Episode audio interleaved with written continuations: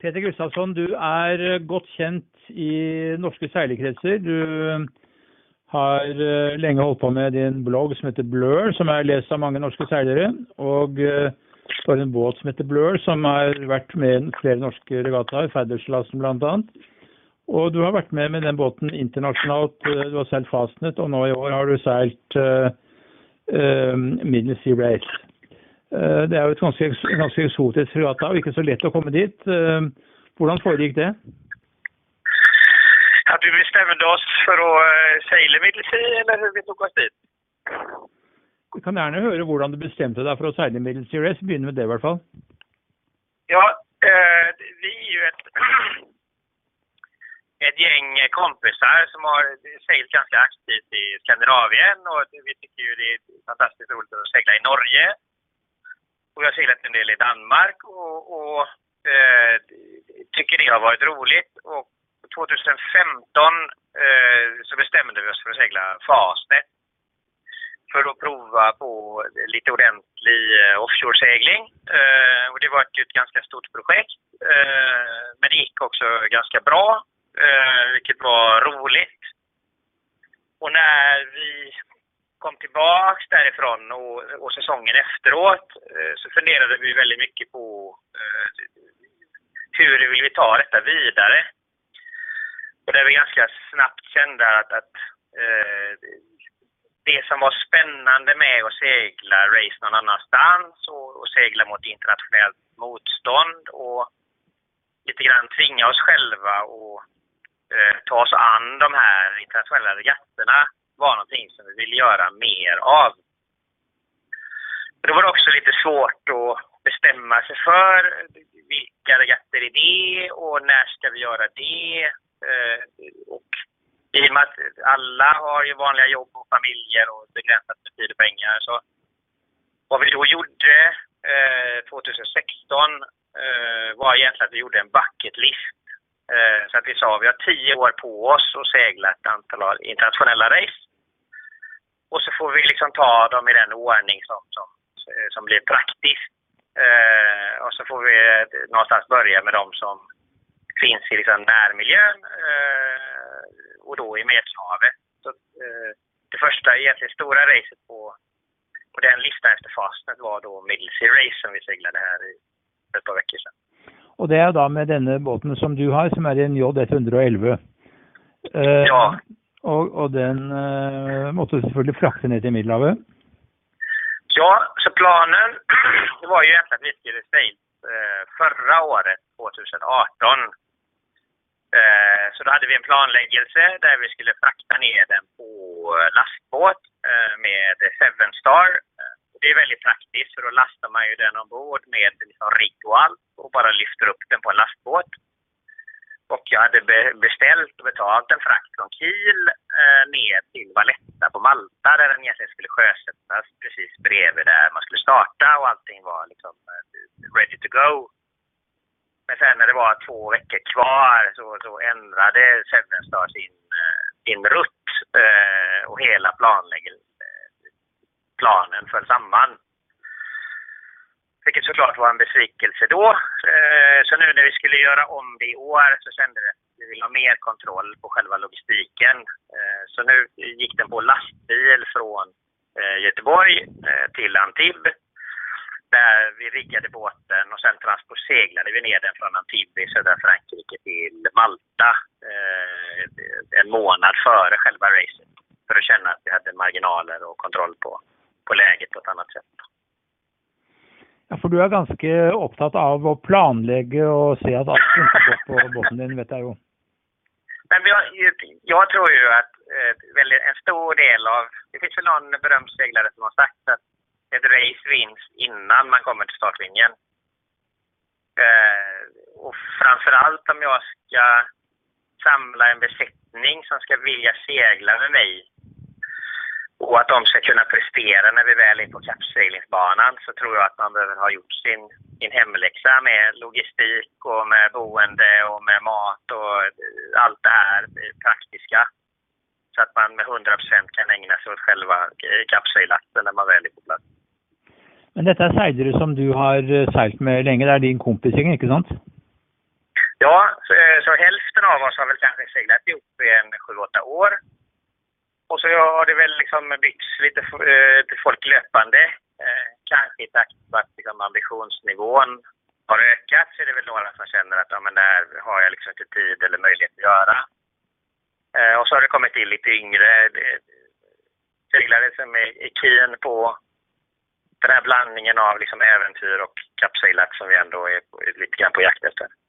Hur lång tid tog det hela projektet då, från att du seilte från Antibes till du var färdig med regattan i, på Malta? Nej, men, eh, eh, min känsla är att jag la två veckor på själva logistiken eh, och packa ihop en båt i Göteborg, se till att alla prylar kom med, få den på lastbil, eh, resa till Frankrike, ta emot båten, rigga på den och sen segla den de här 600 distansen från Antibes till Malta. Att det var ett två veckors projekt.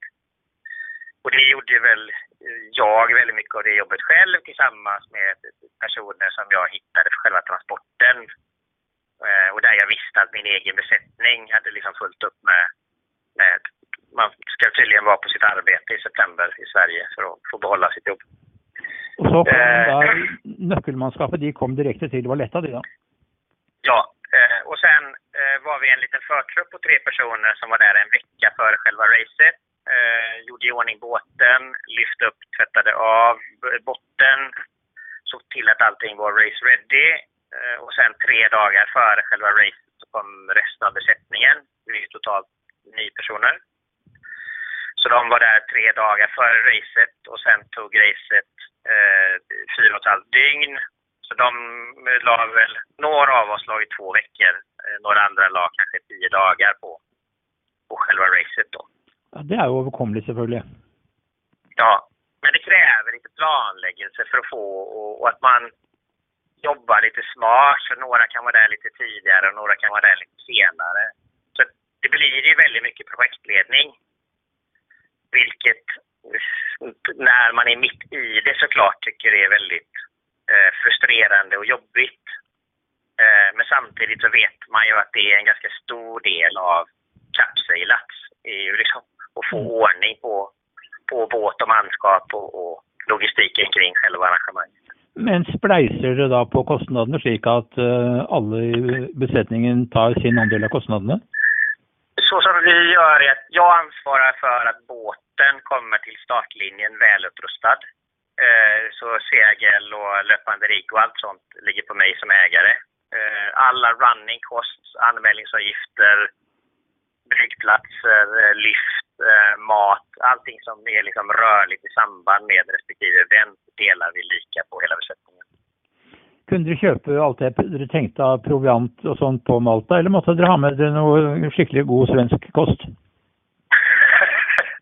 Nej, men vi, det är ju en sån sak som vi med åren har provat oss fram till hur vi vill eh, göra det. Så vi kör ju med någon, en mjuk konserv som heter 24 hour meal eh, som, man, som, man, som, som inte är ett, ett, ett torrmat utan som är en, en konserv som man värmer i påse.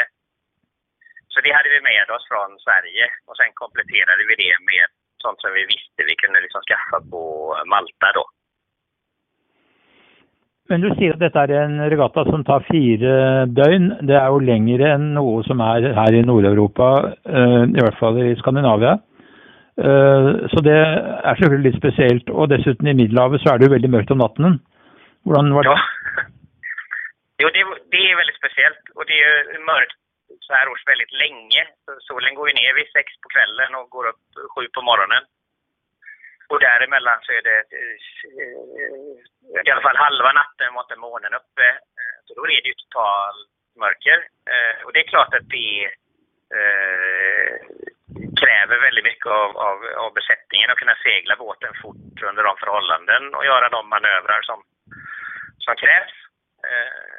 Och där, men där hade vi också lärt oss, för det var en av de saker som vi på Fastnet hade problem med. Där vi seglade väldigt bra när det var när det var ljust och, och förhållanden som vi var vana vid hemifrån. Men när det blev liksom mörker och 12 sekundmeter på, på eh, väg över till Fastnet Rock så hade vi jättesvårt att få liksom ut prestanda ur båten jämfört med fransmän och andra som var vana. Och det var en av de sakerna som vi liksom aktivt har arbetat med från då till nu. Så nu kan vi segla båten på 100 eh, polarer även i fullt mörker och göra de segelskiften som, som krävs under de förhållanden. Så det var, det var väl en av de saker som jag kanske var mest nöjd med var ju att, att, de, att vi kunde prestera under de förhållandena. Eh, och det är stor cred till besättningen att man aktivt har arbetat med det sen, sen vi körde Fastback. Eh, Middle Sea Race har jo ord på seg for at det kan blåse veldig mye. og For et par-tre år siden så var det jo nærmest eh, storm, og det var mange båter som havarerte. Og, og mange som ikke kom i mål. I år var det litt lettere forhold. Ja, i år, eller, det är alltid en kombination. Det är aldrig lagom mycket vind brukar man säga. Utan det är antingen väldigt lätt vind, ofte ofta under första halvan av racet och så är det ofta väldigt mycket vind under andra halvan. Och i nästan varje race så, så ser man båtar som seglar med orangea segel med stormfockar och trisail och det, det eh, är väldigt jobbigt. I år hade vi eh, två tredjedelar av racet var väldigt lätt undan vind, eh, väldigt eh, trivsam segling eh, och sista tredjedelen hade vi väl eh, kryss och bidde vind i 10, 12, 13 sekundmeter. Men det är väldigt besvärlig sjö, men det var aldrig riktigt mycket vind. Samtidigt så var det båtar som, eh, jag menar, det tappades master och man övergav en sån här 60-fots eh, trimaran. Eh, en av de här klassiska som besättningen lämnade då båten läckte. Så att även de lokala seglarna tyckte att det var ett ganska tufft race, även om det inte var riktigt lika mycket vind som det kanske brukar. Kan du berätta oss om själva löpet? Alltså Det startar på Valletta eh, på Malta. och var går det därifrån? Så man startar på Malta eh, och det är en liten, jag menar, det är en önation, det är kanske 400 000 invånare, eh, men som har en väldigt stark liksom, yachtingkultur och en väldigt eh, Royal Malta Yacht Club som då det här är det den stora tävlingen på, på året. Och i år var det väl 40 gången man körde det här racet. Så det är en stor händelse på liksom Malta och presidenten är där och, där, och det, det händer väldigt mycket. Startar man inne, och det tror jag de flesta har sett den här starten som då går inne i Grand, Grand Harbor, inne i själva Valletta och man skjuter med de här stora kanonerna och det är en väldigt eh, stor upplevelse det är ju ingen vidare kappsegling i, i och med att det är mitt inne i en hamn med ganska höga klippor på sidorna, men det är ganska maffigt. Eh, sen seglar man därifrån norrut till Sicilien. Eh, då startar man vid lunch och så kommer man kanske till Sicilien, sydosthörnet där på, på morgonen någon gång. Eh, och då är det oftast väldigt ganska lätta vindar och där man behöver förhålla sig till eh, sjöbris och landbris på natten eh, och ganska svårseglat. Och sen från det hörnet så lägger man egentligen första eh, dagen då på att ta sig upp till Messinasundet eh, mellan Italien och Sicilien. Och där behöver man förhålla sig till eh, Etna, till exempel den här vulkanen som är 3300 meter hög och som påverkar liksom, eh, vinden väldigt mycket. Så att det är svår ganska, ganska komplex segling, vilket jätteroligt tyckte, tycker vi. Eh, och där man förhåller, det är väldigt taktisk segling på andra båtar och på väder och på landeffekter. Eh, och sen från Messinasundet, eh, där det är ganska trångt eh, och där vi då var andra natten. Eh, och där blir också ganska strömt, så det kan strömma man kan ha eh, fem knops medström eller man kan ha fem knops motström som man på något sätt behöver förhålla sig till.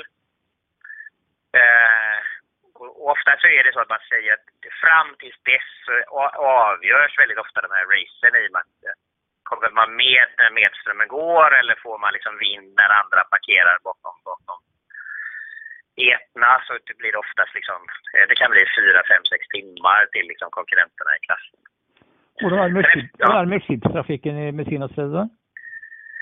Ja, det går båtar, men jag tror för, för oss här i Skandinavien så är det liksom, eh, det är liksom inte värre än Dröback eller eh, Öresund eller...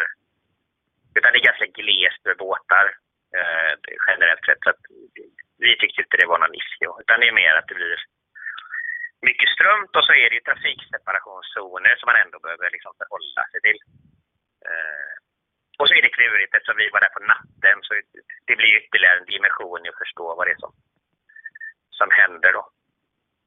Sen efter Messina eh, så seglar man norrut runt eh, och då är det väl en 5-6 timmar upp till Stromboli. Som är en sån här vulkanö som har utbrott löpande. Eh, så varje kvart så mullrar den till och vi såg att det kom liksom lava ur kratern. Och det är ganska spektakulärt ur, ur liksom ett naturperspektiv. De här vulkanöarna är liksom det är ganska maffiga öar. Eh, och det blir vackra soluppgångar och vackra solnedgångar och sådär. Så, så det är ett väldigt fint race att segla på det sättet. Sen efter Stromboli så, så svänger man västerut och, och, och, och det är det en ganska lång sträcka på kanske 150 distans från Stromboli bort till den västra udden på Sicilien. Och som i år också var en ganska liksom lätt ganska mycket lättvind, eh, undanvind eh, och där det hinner liksom passera ett antal vad ska man säga, väderförändringar som man taktiskt behöver förhålla sig till. Som också var liksom, vi tyckte det var väldigt rolig segling för det är väldigt mycket positionering på de andra båtarna i klassen och vi hade några båtar som vi seglade väldigt jämnt med och som vi visste var duktiga sedan tidigare. Två stycken sådana JPK 1180. Eh, och sen efter eh, västudden på Sicilien så seglar man rakt söderut. Men dere seiler ut disse, disse øyene, gjør dere ikke det? Maritimo og Favignana disse her? Yes, de ingår också i banan. Mm. Eh, och sen seglar man söderut eh, runt eh, någon som heter Pantaria. Eh, och sen, eh, vad kan den sista ön heta där då? Lampedusa. Den, och den ligger ju väldigt långt, den ligger söder om Malta. Så den ligger ju liksom, eh, då är man ju väldigt långt söderut. Man är ju i stort sett i Afrika. Men då kan du risikera eh, att plocka upp båtflyktingar och sådana? Ja, tidigare, nu är de tydligen någon annanstans. Eh, för de kommer framförallt från Syrien och inte så mycket från Tunisien. Eh, men jag vet tidigare i år, eh, jag har ju varit nere och observerat, så har det varit ett ett problem som de tävlande har fått förhålla sig till. Eh, och där, framförallt det sista året, så har det varit en issue för att tar man ombord eh, där är de tydliga med att man ska liksom, kontakta Kustbevakningen och de kommer att hantera den eh, de man ser, för tar man ombord dem så får man inte komma i land utan då blir man liksom kvar på havet. Så det finns ett regelverk kring det där som, som är lite komplext. Mm. Och sen från eh, Lampedusa så är det 100 distans eh, av nord, vad blir det då? Ost, nordost för att komma tillbaks till Malta. Då. Mm. Så ganska långa ben. Eh, så det är en, det är en seilas runt Sicilia kort och gott? Ja, med lite extra öar just för att få den att bli 600 distans, vilket har blivit en sån om man tittar på de här Rolex-racen, eh, de här som Fastnet eller Middlesea eller Caribbean 600 så har det blivit någon typ av vad säger, standarddistans. Eh, vilket gör att man får fyra, fyra, fyra och ett halvt, fem dygn på havet. Vilket eh, gör att man kommer in i den här liksom, lunken på, på ett ordentligt sätt med vaktschema och sådär. om selve seilasen så høres det ut som en ganske variabel og spennende seilas. Men ellers så er jo disse seilasene i utlandet, særlig hvor det er Rolex som er sponsor, de er jo kjent for å ha mye fine arrangementer for og efterkant av eh, selve regattaen. Hvordan var det her? Jo, det var eh, världsklass på eh, det också. Och där, man inser ju att, eller, jag får en känsla av att regatter i utlandet ofta är eh, stora evenemang även för staden eller stället man är på.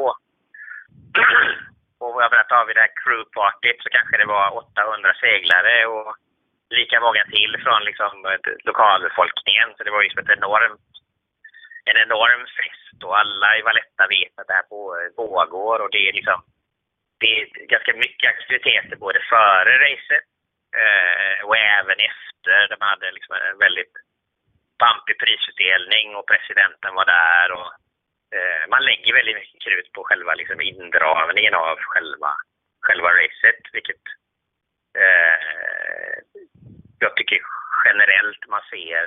Det var ju samma sak med Fastnet egentligen, där man försöker... Själva kappseglingen är såklart viktig, eh, men inramningen av de sociala arrangemangen eh, känns ofta minst lika viktiga. Eh, och framförallt för de lokala båtarna man tittar på. Det är ganska mycket italienska båtar till exempel.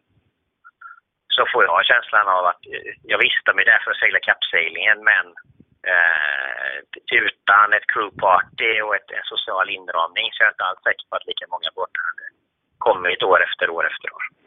Där har vi kanske lite att lära i Skandinavien? Ja, jag tycker ju det. Eh, sen är det ju inte helt enkelt och de förutsättningarna för att göra bra kalas i Horten ser ju annorlunda ut jämfört med Valletta såklart. Men, men eh, jag tror inte man ska bortse från den, den sociala inramningen av, av bra kappseglingar. Mm. Marstrand är ju bra i så hänseende. Ja, det, det är ett av de enklare ställena att göra någonting på. Mm, för du har ju din egen regatta i Marstrand. Ja, och där har vi också medvetet valt att lägga ganska mycket krut på just den sociala inramningen. Då. Mm. uppenbarligen verkar det locka sig. Hur gick det då? Det gick eh, jättebra, över förväntan. Eh, vi seglar, man, man, har ju double scoring i både IRC, som är den liksom, formella, där man avgör totalsegraren, och ORC, eh, som en alternativ scoring. Eh, och vi seglade ju i IRC 5 eh, och där visste vi ju att där fanns det två stycken JPK 1180. Eh, dels en fransk båt eh, som hette Courrier Commandé. Och det är den besättningen. De, var, de vann Fastnet totalt 2015. Eh, de vann Middle Sea Race förra året. De är tvåa totalt i Sydney Hobart. Så att de visste vi liksom att det är antagligen världens bästa offshore-besättning i 40-fotsklassen. De vann ju eh, klassen tvåa var en likadan båt eh, e- med, en engelsk eh, proffsbesättning där både navigatören och ytterligare någon person ombord hade också vunnit racet totalt eh, tidigare. Så de visste ju att det var professionella båtar med otroligt bra besättningar. Eh, så vi var tre efter dem. Eh, och, och, det som var extra roligt var att vi liksom kunde matcha dem stora delar av vägen. Så efter två tredjedelar så var vi före dem och för mig så... Jag tycker egentligen inte att resultaten kanske är superviktiga. Utan eh, för mig är det mycket viktigare att se hur liksom, vi som besättning kan, kan vi utmana de här riktigt bra seglarna på allvar. Kan vi liksom irritera dem? Kan vi hänga med dem stora delar av vägen? Och det fick vi liksom ett, ett väldigt bra besked på att det, det kan vi.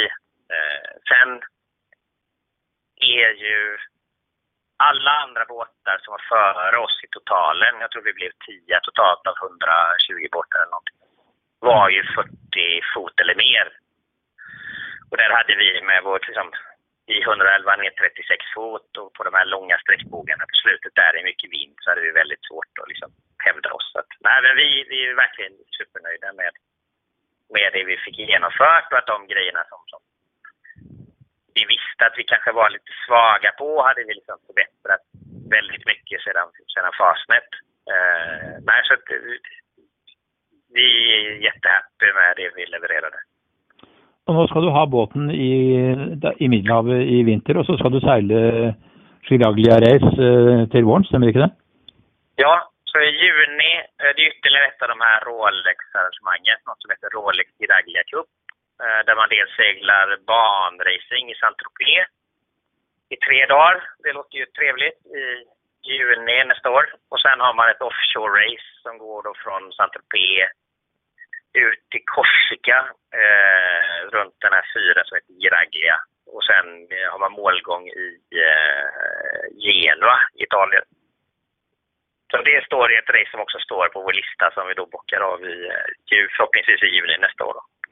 Men det betyder att du är båtlös intill det regatta Nairobi? Ja. Jag känner redan av det. Vad ska jag göra på helgerna hela vintern om jag inte har en båt jag kan åka och skruva på? jag tänker att familjen blir tämligen fed upp att ha dig hemma då? Ja, nej, de, ja, det, det kommer att bli svårt. Så jag vet inte, jag får hitta en annan hobby. ja, ja. Nej, men Petter, detta var väldigt intressant. Kanske det är en spore för uh, andra norske. Vi har ju flera lag som har seilt i Middelhavet nu i, i år. GP42 till um, till uh, von, uh, von Trepka, som har varit og och seilt den serien. Og vi har ett par uh, Clubs 150 som, som har varit där. Så kanske vi kan få lurt noen fler norrmän til att mm, vara med på disse regattaene. Och jag regner med att du anbefaler det. Och jag tror inte egentligen det behöver, om man väl bestämmer sig och gör den här projektledningen till någonting som är lite roligare så behöver det inte vara så, så otroligt svårt. Och jag tror med en, med en liten båt så är också kostnaderna, visst är, allting är dyrare i Medelhavet men, eh, kostnaderna blir hanterbara om man inte har med en rimligt stor båt. Så att, har, har man tankar åt det hållet så tycker jag definitivt man ska prova. Väldigt fint. Tack ska du ha. Det betyder att, eh, att du alltså blir eh, får tid till att arrangera Big Boat Race i Marstrand till nästa sommar. Det blir omedelbart efter Skagen ska utifrån. Och att du då tar med dig impulser från eh, Malta till att göra det till en stor eh, event för säljarna. Ja, det är planen. Väldigt fint. Tack så mycket. Tack så du ha. Hej, hej. Hej.